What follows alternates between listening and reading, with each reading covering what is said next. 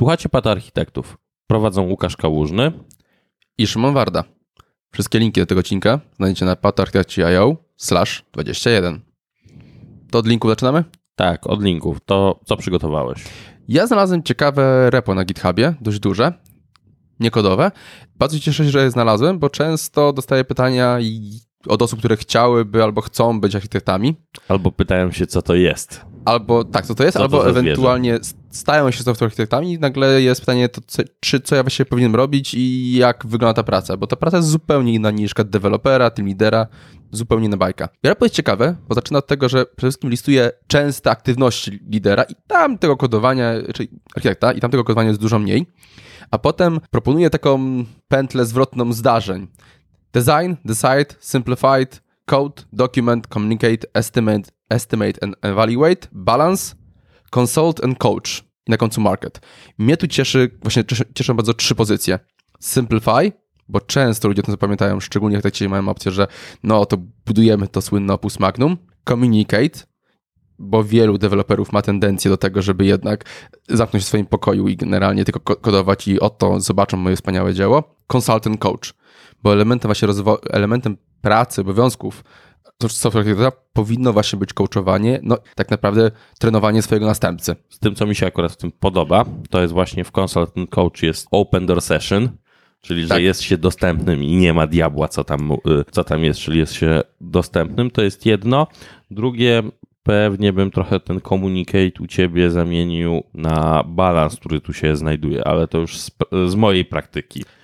Tak, możliwe. I jeszcze o market myślałem, bo to też jest często rzecz, o której zapominamy jako architekci, a to jest ważne właśnie, żeby jednak to reklamować te rozwiązania, czemu one są dobre. Znaczy, wielkość organi- ale wielkość organizacji. Tak, zdecydowanie. Teraz przy tym projekcie, w którym ja siedzę, to akurat balans i consultant coach są najbardziej istotne. Może przy aktywnościach, bo bardziej to nie projekt, aktywnościach. Ja ostatnio coraz, coraz więcej mam potrzeby jednak tego, tego market. Dobra, jedna rzecz mi się w tym nie podoba, to tak zarzucę do zobaczenia ten Technology Roadmap to jest taka chyba na siłę wrzucona, tak jak i książki. E, jest parę obszarów, które nie są idealne, zgodzę się, ale powiem tak, gdybym ten link miał rok temu, to dużo by obsłużył takich Dobra. właśnie pytań. Na te... start? Super. Super. Important skills na pewno, a reszta z przymrużeniem oka. Pamiętasz, patrzysz z innej perspektywy. Na start to pytanie do kogoś, kto się, się w tej roli znajduje, sporo z tego wyniesie. Ciekawe. Dobrze. Co u ciebie? A ja dla odmiany trochę mięcha i bebechów od twojego. Mm, post na temat tworzenia w Golangu, używania tak naprawdę wbudowanej klasy HTTP serwera, ale w sposób resilient, resilient czyli resilient. Wysoko, resilient, wysoko, czyli wysoko niezawodnie dostępny i jest pokazane na temat podstaw, które trzeba pamiętać. Tu są dwie. Jeden to są timeouty, drugie Circuit breaker? Nie, context cancellation, bo to od strony implementacji serwera. Tak, context cancellation całkiem, całkiem fajna rzecz. Więc tutaj jest to wprowadzone. W jaki sposób to wygląda w Golangu? Nie oszukujmy się, w większości języków wygląda to bardzo podobnie, bo zaczyna się od tego, że mamy pięknie pokazane graficzne przestawianie, czym jest timeout, jak w ogóle trwa cały taki e, cykl requestu, który mamy, żądania do serwera. Mhm. Naprawdę całkiem nieźle i faktycznie jeszcze fajnie zwizualizowany. Tak. Niezły wpis. Dobrze, to o czym dziś? To wracamy do observability, tym razem metryki. Może Szymon, przypomnijmy sobie, uporządkujmy te podejście i powiedz nam te trzy kluczowe filary observability. Logi z poprzednim odcinku, metryki i na końcu tracing. Mamy metryki, to w dwóch zdaniach powiedz nam, czym jest metryka. A to jest proste. Jest to para klucz-wartość, gdzie klucz jest stringiem, wartość jest liczbą. Tyle. Dobra, bardzo za mocno to uprościłeś, bo tak na moje zapomniałeś o jeszcze czasie. Specjalnie, bo tak naprawdę ten czas to jest generowany często albo przez system do agregowania logów, albo, albo ten system do przechowywania tych logów. I tam ten czas się dopiero znajduje jako dodatkowy wymiar. Przejdźmy. Mamy system agregujący i przetwarzający w kontekście metryk i rozwiń, bo troszkę robi to mały taki mindfuck, tak. że tutaj mówisz agregujący, przetwarzający, czy to nie powinno być jedną całością? No właśnie, często jest tak, że metryki, które generujemy, to jest dużo danych. E, I w dużych systemach, które generują faktycznie danych dość sporo, stawia się często, tak, tak po drodze, czy między naszym systemem, który te metryki generuje, albo z którego zbieramy metryki, a bazą danych, która przechowuje je, stawia się coś co się nazywa statsd. Prosta aplikacja, która co robi? Zbiera te metryki, agreguje i w pewnym, do, w pewnym okienku czasowym je upraszcza, uśrednia, żeby jednak tych metryk tych metryk wysyłanych tak naprawdę do, do naszego serwera, który przetwarza, je przetwarza, żeby jednak było ich mniej, bo po prostu byśmy sobie nie poradzili z tym wolumenem danych. Można uprościć. Tak, jest, tak na przykładzie statsd, czyli jest to klocek, który tak naprawdę robi nam za proxy, za bufor tak. przed wejściem, który być może może mieć kawałek logiki, a przetwarzający to już jest ta baza time series, która przechowuje metryki. Dokładnie tak. To mamy i metryki mają ze sobą, tak naprawdę niosą, że są, nie są tak proste, jak powiedziałeś. Nie są proste. No dobra. I się komplikują właśnie. To, to, często, co, często, co ja widzę u deweloperów, to jest to, że właśnie interpretują metrykę jakoś jak po prostu klucz wartość, zapominają o tym elemencie, tym, we, tym wymiarze czasu tak naprawdę. Czyli tym, że co się stanie z tą metryką, jak zaczniemy zawężać nasze okienko. Prosty, prosty przykład. Mamy na przykład mamy, patrzymy na okienko, gdzie jakieś okienko 10-sekundowe, czyli to 10 sekund upraszczamy do jednego punktu i jak w tym 10 sekundach mamy trzy pomiary, to co się z nimi stanie? Bo to już przestaje być takie trywialne, bo co nam daje grafana, to jest to, że możemy patrzeć na, patrzeć na wymiar czasu, co się działo w systemie w godzinie, w ostatnich, ostatnim roku. Wiadomo, że w tym momencie te liczby będą wyglądały inaczej. Tak co się z nimi powinno dziać. Dobra, to zacznijmy sobie w takim razie od tych typów pod spodem i od najprostszego, jaką metryka typu counter. To brzmi jako, na, jako najprostsza wartość. Aplikacja wysyła wartość dodatnią lub ujemną, dodatnia podbija niejako licznik, ujemna zmniejsza ten licznik. Oczywiście tu time grain, czyli to właśnie co jest statsd tak naprawdę, to jest ten obszar okienka, które będziemy uproszczali, w tym okienku będziemy, będziemy, te, będziemy te metryki skłaszowali do jednej wartości. No oczywiście, że w tym momencie daje mi tu informację do naszego systemu, że ok, w tym okienku w takim razie sumuj te wartości. I to teraz bardzo ważne. Counter jest tak naprawdę utrzymywany gdzieś tam po stanie aplikacji, która wysyła, y, bo powiedziałeś, że jest inkrementowany bądź yy, zmniejszany. Tak. No, do końca, bo aplikacja de facto wysyła wartość, a tą sumę tak naprawdę to właśnie ogarniają systemy dalsze. Aplikacja nie musi się martwić, co się dzieje, więc de facto aplikacja wysyła taką wartość relatywną, nie absolutną. Okej, okay, może dać może jakiś przykład? Jasne. Przykładem, który ja widzę, to jest na przykład, że my patrzymy na stan elementów w magazynie. Na przykład systemy, które przyjmują rzeczy do magazynu, zwiększają liczniki, systemy, które wydają albo monitorują cokolwiek, w tym momencie te liczniki zmniejszają. To są dwa osobne systemy, one nie mają dostępu do tego samego, ale dzięki temu, że podbijają albo zmniejszają do samą metrykę, my mamy stan absolutny w danej sytuacji. I to jest fajne. Dobra. No to mamy podstawowy, podstawowo umówiony typ metryki, jakim jest counter. Następny jest gauge. I tu patrzymy trochę inaczej. Patrzymy tak, że musimy bardziej spojrzeć na to, jak ta metryka jest odczytywana. W tym momencie ona ma większy sens. I to jest wartość, to jest metryka, która której wartość jest równa ostatniej aktualnej wartości. Nieważne, czy, ta, ten, czy to zaraportowanie wartości było 5 sekund temu, czy 2 godziny temu, po prostu patrzymy na ostatnią wartość. Przykład. Dość prosty. Na przykład liczba podów w Kubernetesie. Faktycznie, ta wartość się nie zmienia, póki nie zostanie zaraportowana zmiana tak naprawdę. Counter tu nie ma żadnego znaczenia, ale wiemy, że jak 10 minut temu była ta sama wartość, no to raczej się nic nie zmieniło do tego czasu. No, tu jest jedna uwaga bo raportowanie metryki właśnie typu gauge wymaga znajomości stanu absolutnego systemu. Jak w Kubernetesie może mamy kogo się zapytać i mamy tę informację jak najbardziej. Czyli musi być, musimy znać realnie ten stan, żeby się prawidłowo o to odpytać. Tak, dokładnie. Dobra. I teraz dorzućmy sobie trochę wymiarów czasowych i bardziej skomplikowania do tych metryk, czyli histogram. Dobra. I histogram, czym jest histogram? Histogram jest rozkładem ilościowym wartości po jakimś wymiarze, tak naprawdę. I przy histogramie często, często już naszym wymiarem nie jest wymiar czasowy, to jest bardzo ważne. Typowy przykład histogramu to jest na przykład czasy odpowiedzi dla danego requestu, czyli widzimy, jak on się rozkładał i jakie z mamy czasu, czyli po prostu dla, odpowiedzieliśmy w ciągu 3 sekund dla na przykład 200 requestów, a na przykład dla 3,5 sekundy na przykład dla 2,5 tysiąca requestów. I to daje nam spojrzenie taką zdrowie systemu w, w skali czasu, ale bardziej to nas nie jak się zmieniało w czasie, tylko jaki był rozkład tak naprawdę. Zresztą histogram chyba każdy widział na jakimś obrazku. Tak, czyli mamy histogram i druga podobna typ metryki jest e, Samary, podsumowanie. Tak, i Samary jest takim obudówką wokół histogramu, bo co dodaje? Dodaje, dodaje konfigurowalne, konfigurowalne percentyle, czy tak naprawdę mówimy, że OK, jak już słyszymy o percentylach, to oczywiście nam się kojarzy z SLA, SLO i tak dalej i bardzo słusznie. Mamy, mamy w SLA, w SLO ustalone, że nasz system ma odpowiadać w danym czasie w 95 przypadkach e, requestów, no i, i właśnie Samary nam to daje generalnie, czy jest w porządku, czy, czy trochę gorzej wyglądamy. To jest bardzo, ważna, bardzo ważny wykres do monitorowania i do wizualizacji. Jeżeli mamy jakikolwiek SLA, albo my korzystamy z tego SLA, bo to też jest ważne, albo my wystawiamy SLA. Czyli tak naprawdę dla nas SLO, Service level, do Service Level Objective, jak podsumujemy. Dobra. Jak jesteśmy przy metrykach, przy tych detalach, jest jeszcze coś takiego jak gradacja z czasem rozdzielczości. Tak, i to się bardzo mocno wiąże właśnie też z tym, co StatsD robi, co StatsD robi. Mianowicie metryki jako takie, to są wartości klucz wartość. Większość systemów potrafi przyjmować dziesiątki tysięcy metryk na sekundę. Tych danych się zaczyna trochę robić.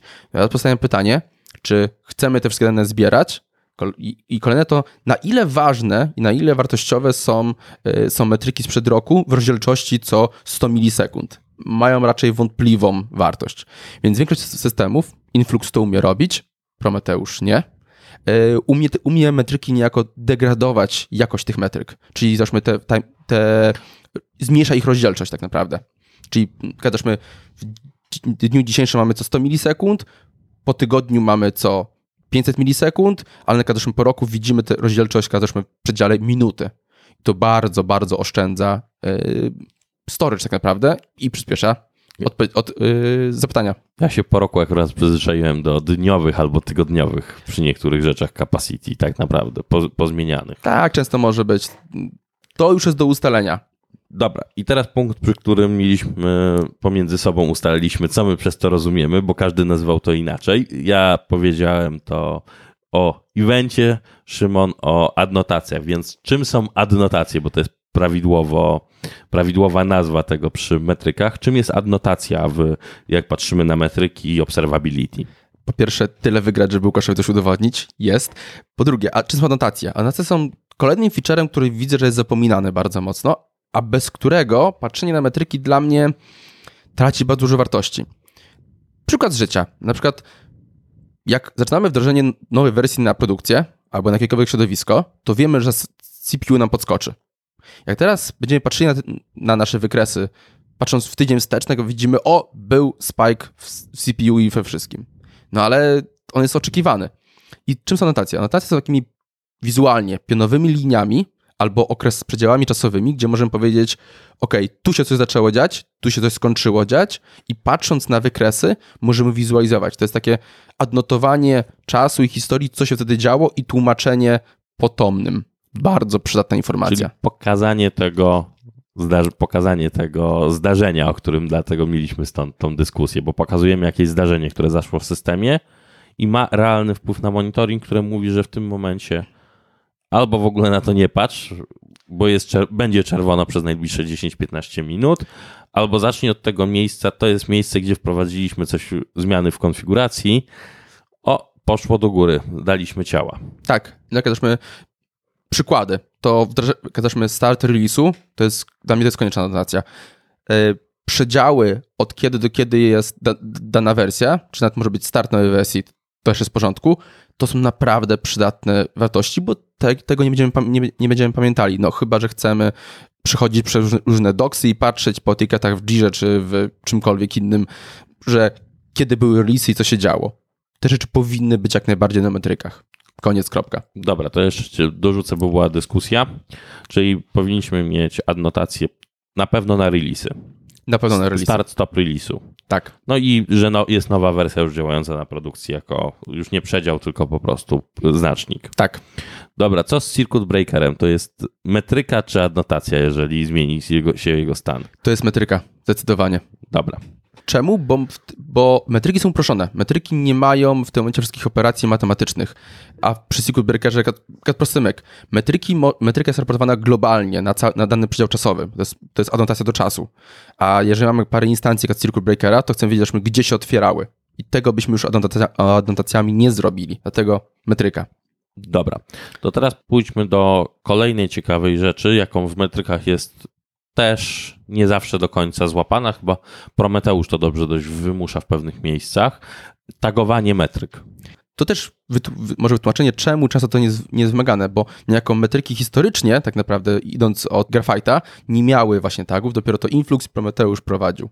I tagowanie, bardzo ważne, te informacje wokół tego, z czego metryka wynika, czego dotyczy i jakie grupy. Jest seria tagów, które po prostu muszą być. Środowisko, instancja, nazwa i rola tej metryki generalnie, co ona właściwie pełni. Takie ogólne spojrzenie, żeby jak ktoś spojrzy, to mniej więcej wie, gdzie to umieścić i co więcej, może dorwać wszystkie metryki danej kategorii, danego środowiska i tak dalej. Znacząco poprawia widoczność. Dobra, to ja jeszcze dorzucę od siebie dobrą praktykę. Warto te same tagi trzymać przy logach. To potrafi dużo pomóc, jeżeli robimy analizę, tudzież ładnie tłumacząc na polski śledztwo, bo możemy zobaczyć i to ze sobą po prostu złączyć, co się działo, kiedy te logi występowały. No i ważne, w świecie Cloud Native teraz jak sobie popatrzymy na Prometeusza oraz nową zabawkę z tamtej rodziny, czyli Lokiego do zbierania logów, one mają właśnie te metryki z pudełka, pozwalają na otagowanie tak samo metryk, jak i logów, tymi samymi parametrami. To, co mówiliśmy w poprzednim odcinku, to jest dodanie kontekstu do logów, co jest bardzo, bardzo ważne. Często właśnie rzeczy typu właśnie rozdzielenie środowisk w logach robi się przykład przez inne indeksy Elasticsearcha, ale tak, jeżeli możemy logi, jak najbardziej. Dobra, i teraz prosta rzecz, ale szybka. Push czy pull? Jedno i drugie, tak naprawdę. Czemu? Bo z, ze serwerów będziemy zawsze pullowali, ale jak chcemy wysłać metryki z aplikacji, no to będziemy je pushowali tak naprawdę, bo w tym momencie dajemy trochę większy kontekst i wiemy, co mamy zrobić.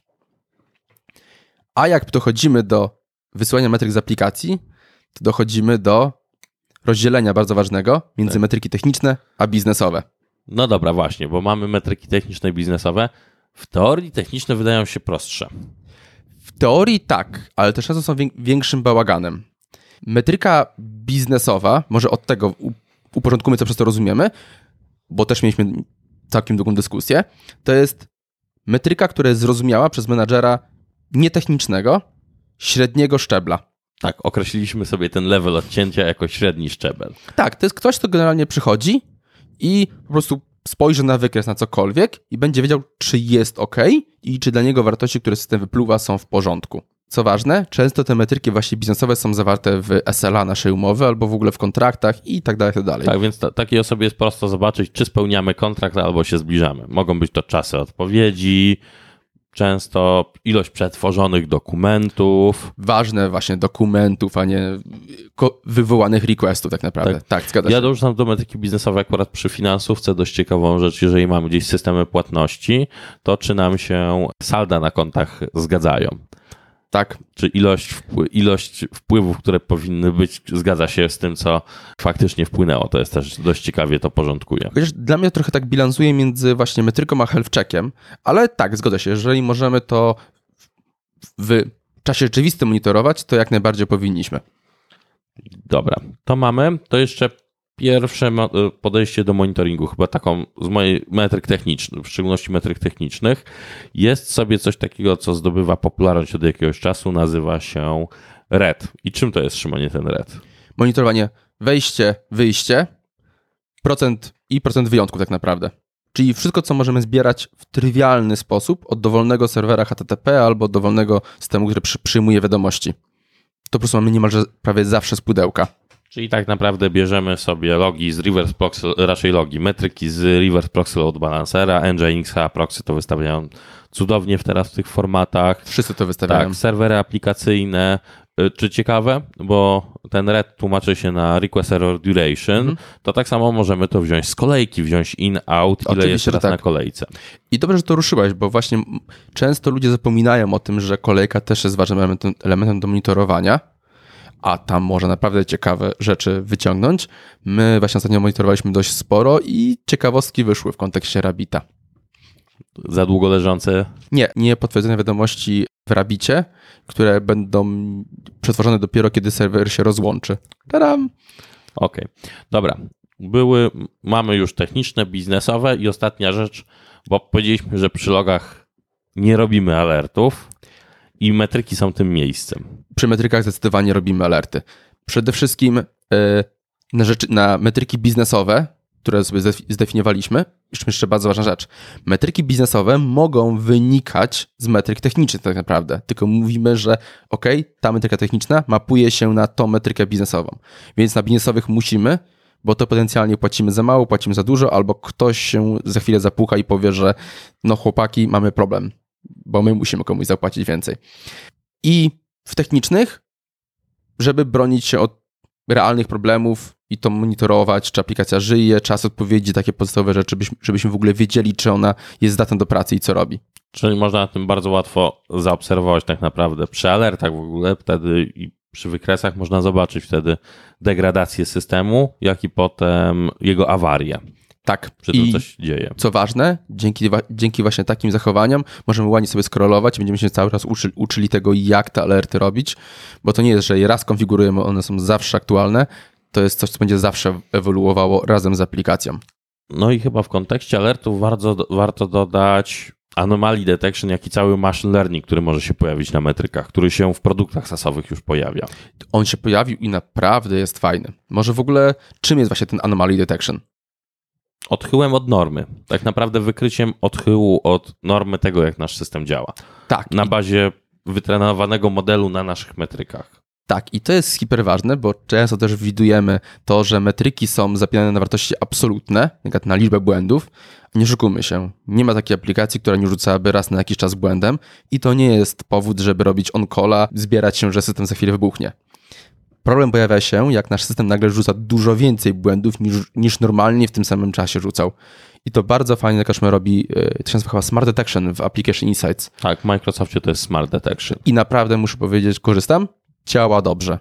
Tak, miesiąc nauki na produkcji zaczyna wysyłać pod, przydatne alerty. Tak, i naprawdę sensowny i jak coś się faktycznie dzieje. No dobra, Dobrze. to chyba czas na podsumowanie już. Dobre praktyki, jest kilka. To, co załóżmy ja praktykuję, to jest, jeżeli mamy metryki, to miejmy też dokument, który opisuje, która metryka co znaczy, bo z całym szacunkiem, ale po nazwie albo tagu i jakbyśmy tego nie pisywali, to nie będzie aż tak czytelne po pół roku czasu. Doku przy czym dokument ma nie straszyć. To jest tak naprawdę nazwa metryki i w jaki sposób jest wyliczana. Tak, i skąd się bierze. Chociażby Microsoft to fajnie opisuje właśnie przy perf counterach. Jest to naprawdę dość, dość nieźle zrobione. Dobra. Potem sobie popatrzymy, to przykładowe dashboardy, bo z wizualizacjami zawsze jest problem. Jest i co więcej, one powodują mniejszy próg wejścia, żeby, żeby ludzie zaczęli korzystać, tak. szczególnie przy biznesowych. Tak, czyli róbmy proste rzeczy. Wzorujmy się, dlatego polecaliśmy Red, bo tam jest jeden dashboard tak naprawdę dla każdej usługi, więc warto zobaczyć i wzorując się, weź gotowe dashboardy dla jakichś rozwiązań typu MySQL, e, Postgres, Kubernetes i zobacz, czy Prometeusz, zobacz jak taki dashboard na przykład w Grafanie wygląda i skopiuj go do swoich rzeczy, bo one dobrze pokazują, jak jest monitorowane takie rozwiązanie. Tak, cieszę się, że to powiedziałeś, bo teraz dochodzimy do innego obszaru, który też staram się mocno promować. To jest to, żeby na jednym dashboardzie mieć wiele data source'ów. Bo czemu? Bo to są różne, różne źródła prawdy. Przykład. Negat możemy mieć raportowanie, ile nasza aplikacja przyjęła, albo ile razy wywołał się handler aplikacyjny, ale drugi mamy, drugi mamy wykres na, na, na, tym samym dashboardzie, na przykład jak duża jest kolejka, albo ile razy, ile było potwierdzeń, ile było odrzuceń wiadomości. Czyli tak weryfikujemy, że wartości, które powinny być takie same, są czy nie są. Bo często te wartości nie będą takie same i nagle dowiemy się czegoś nowego o tym, jak nasz system w ogóle działa. Dobra, kolejną rzeczą to metryki to nie audyt. Jest to bardzo istotne do zrozumienia, że metryki służą do zaobserwowania i monitorowania, nie do audytowania. Tak, to nie jest tłumacząc, też mnie, czym ja się spotkałem, to było to, że przez biznes nagle metryki zostały e, widziane jako wartości absolutne i z ilości przypadkowych dokumentów, na przykład były inne działy nagle rozliczane i co tam się w ogóle dzieje i tak dalej, i tak dalej. A pamiętajmy, większość metryk leci po UDP, mogą być tam błędy, możemy gubić pakiety i to jest coś, co będziemy uproszczali, szczególnie w pierwszym okresie czasowym po wdrożeniu, tam będziemy mieli sporo błędów, także to nie jest audyt. Dobra, i ostatnią rzeczą będzie skalowanie na bazie metryk. Bardzo ważne, co możemy robić i to w sumie pojawia się już, w sumie jest w chmurach, też autoscaling e, app serwisów, to jest to, żeby, że możemy zmieniać zachowanie naszego systemu zależnie od tego, co się dzieje, nie na przykład też mamy skalować instancje z serweru HTTP nie po ilości kolejki na HTTP, tylko też o systemów dużo wcześniejszych, tak ile mamy wiadomości w kolejce, gdzie znając proces biznesowy, możemy robić bardziej reaktywne zachowanie całego systemu i skalowanie infrastruktury. Cieszę się, że powiedziałeś biznesowy, bo właśnie dla mnie genialną rzeczą przy bazie metryk, jeżeli zaczniemy implementować pierwsze biznesowe, niekiedy to będzie ilość requestów na sekundę, też potrafi być tym, ale możemy przestać skalować infrastrukturę po zużyciu CPU i RAMu w wielu miejscach. To jest, nie oszukujmy się, CPU to jest wynik jak, jak, jakiegoś działania, więc jak reagujemy na samo CPU, no to już tak trochę za późno jest na to, żeby się w ogóle cokolwiek wydarzyło tak naprawdę. To już, jest, już mamy problem. Więc to skalowanie się dużo wcześniejsze, na wcześniejszych elementach systemu, robi robotę. No dobra, to koniec. Kończymy? Dobra. Dzięki wielkie. Hej. Dzięki, na razie.